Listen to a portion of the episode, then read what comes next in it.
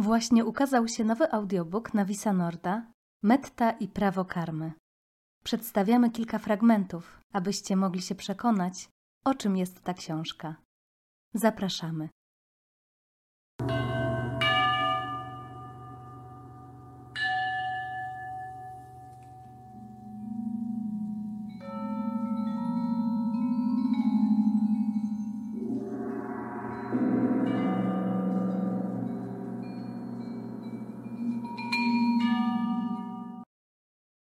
Jeżeli życzliwość jest mechaniczną reakcją, mechaniczną odpowiedzią na przyjemne traktowanie, to nie jest to stan, o którym piszemy. Jeżeli nasza życzliwość jest odpowiedzią na to, w jaki sposób ktoś zachowuje się względem nas, to jest to stan zależny od bodźca, od świata, od tego, jak inni nas traktują. A stan, którego szukamy, ma być niezależny od zewnętrznych bodźców. Metta to życzliwość, która nie oczekuje niczego w zamian. Natura ludzka często będzie bezwiednie odpowiadać pozytywnym na pozytywne, a negatywnym na negatywne. Rozwój wewnętrzny staje się możliwy tylko wówczas, jeśli zaczniemy odpowiadać na bodźce nie tyle pozytywnie, co optymalnie. O optymalnej reakcji możemy mówić wtedy, kiedy ta reakcja na bodźce nas nie zaślepia, nie zawęża pola obserwacji, nie zabiera przytomności, nie rozładowuje energii, daje możliwość skutecznego działania i umożliwia rozwój. Ta reakcja nie jest związana z oczekiwaniem czegokolwiek w zamian, na przykład czegoś miłego. Każda mechaniczna reakcja jest informacją o nas i o naszej zawartości to sposób zbierania danych o nas samych, które pozwolą nam określić charakterystykę naszej natury, odkryć, co nas ogranicza i z czym mamy pracować. To podstawowa lekcja, której mamy się nauczyć, aby odnieść zwycięstwo. Rozwijając stan metta, ćwiczymy projektowanie życzenia, obym miał się dobrze. Proszę pamiętać, że to życzenie ma budować pierwotne więzi, a nie zakłamywać rzeczywistość. Piszę o tym, ponieważ dla wielu ludzi, których spotkałem, bycie pozytywnym czy poprawnym oznaczało zakłamywanie rzeczywistości. Zakłamanie sprawia, że przestajemy być obecni i żyjemy niejako w wirtualnym świecie alternatywnym. Podstawą budowania relacji jest życie zgodne z prawdą sytuacji. Aby to zilustrować, rozważmy przykład młodej pary. Wielu młodych ludzi w imię nieprawidłowo rozumianej miłości zamiata pod dywan tematy do przerobienia, które przynosi życie.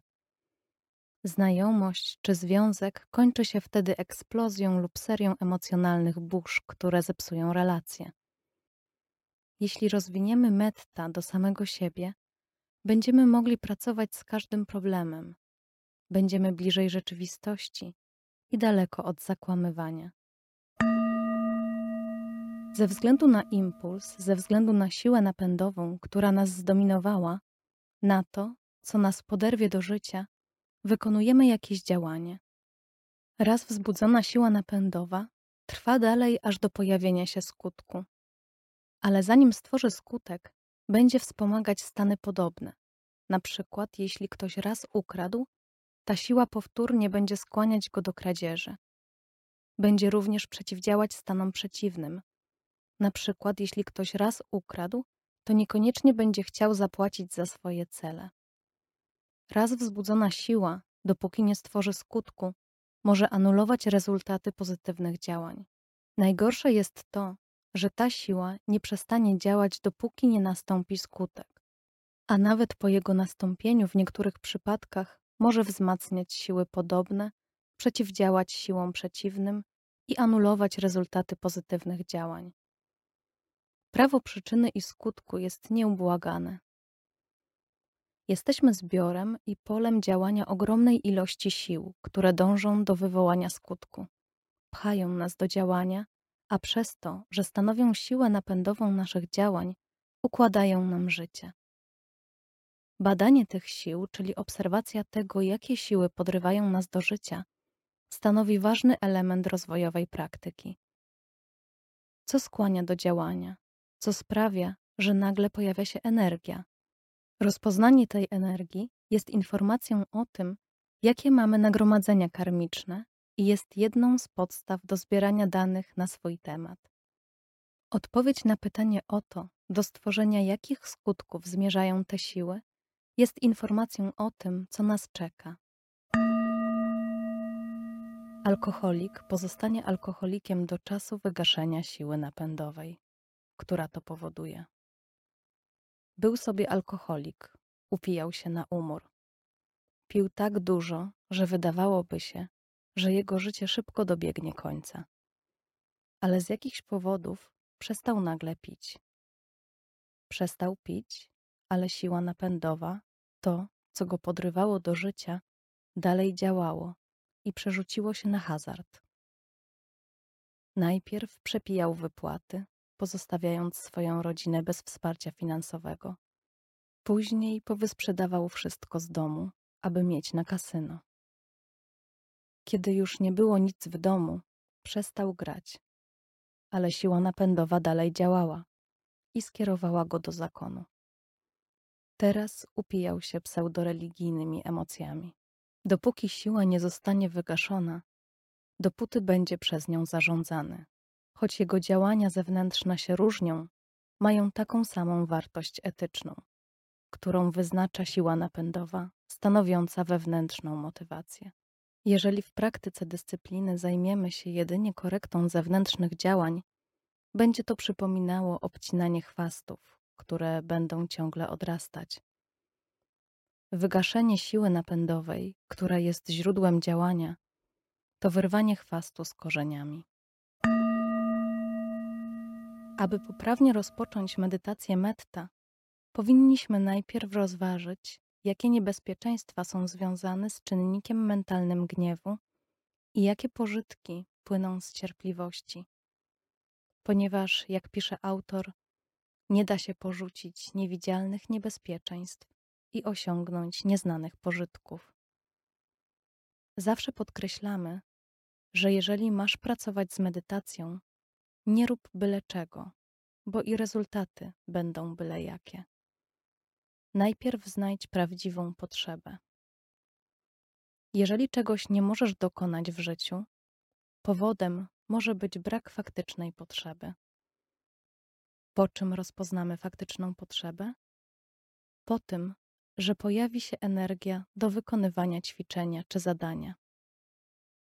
Więc jeśli chcesz coś osiągnąć, zwiększaj swoją potrzebę, a być może znikną kłopoty z energią do działania. Jeżeli nie odkryjesz, w jaki sposób czynnik mentalny gniewu może zniszczyć Twoje życie, nigdy nie będziesz prawidłowo wykonywać medytacji metta. Aby to dostrzec, musisz zdobyć doświadczenie, jak to naprawdę działa. Jeśli oprzesz się na tym doświadczeniu, możesz odkrywać pożytki płynące z tego stanu. Metta jest nie nienawiścią. Aby skutecznie wykonywać medytację metta, musimy dotrzeć do zarządzającego nami czynnika mentalnego nienawiści i rozpoznać, w jaki sposób nam zagraża i niszczy nasze życie. Pierwszy, podstawowy i najważniejszy przedmiot w początkowej fazie medytacji metta to ty sam, ty sama. Czyli pierwsza faza medytacji jest związana z budowaniem relacji z sobą samym. Odwiedziłem wszystkie zakamarki umysłu i nie znalazłem niczego droższego i cenniejszego niż ja sam. To znalezisko cenne jest dla mnie i dla każdego, kto je znajdzie. Kto kocha siebie, nigdy nie będzie ranić innych. Oczywiście istotną kwestią jest tutaj zakres postrzegania samego siebie. Pisałem o tym w książce Medytacja i szczęśliwe stany umysłu Metta w rozdziale Cztery poziomy medytacji Metta. W stosunku do siebie projektujesz życzenia, obym był szczęśliwy i wolny od cierpienia, lub obym był wolny od wrogości, pomieszania i miał się dobrze. Autor zwraca uwagę, że sformułowanie teraz mam się dobrze i jemu podobne uniemożliwiają rozwój koncentracji. Dlaczego? Jest mi dobrze, czy mam się dobrze, próbuje narzucić interpretację zdarzeń, która nie opiera się na obecności względem świata i samego siebie. Może zmierzać w kierunku zakłamania i określania świata rodem z równoległej rzeczywistości wirtualnej. Faktyczna obecność daje dostęp do faktycznej reakcji, z którą mamy pracować. Przekraczanie reakcji ze względu na stan do urzeczywistnienia umożliwia rozwój koncentracji i urzeczywistnienie stanu metta. Stan metta jest lustrem, które pokazuje, czego nam brakuje do jego osiągnięcia. Przytomność i obecność pozwalają nam widzieć, gdzie i w jakim momencie powinniśmy pracować nad relacją z sobą i relacją z innymi, relacją ze światem, aby urzeczywistnić stan metta.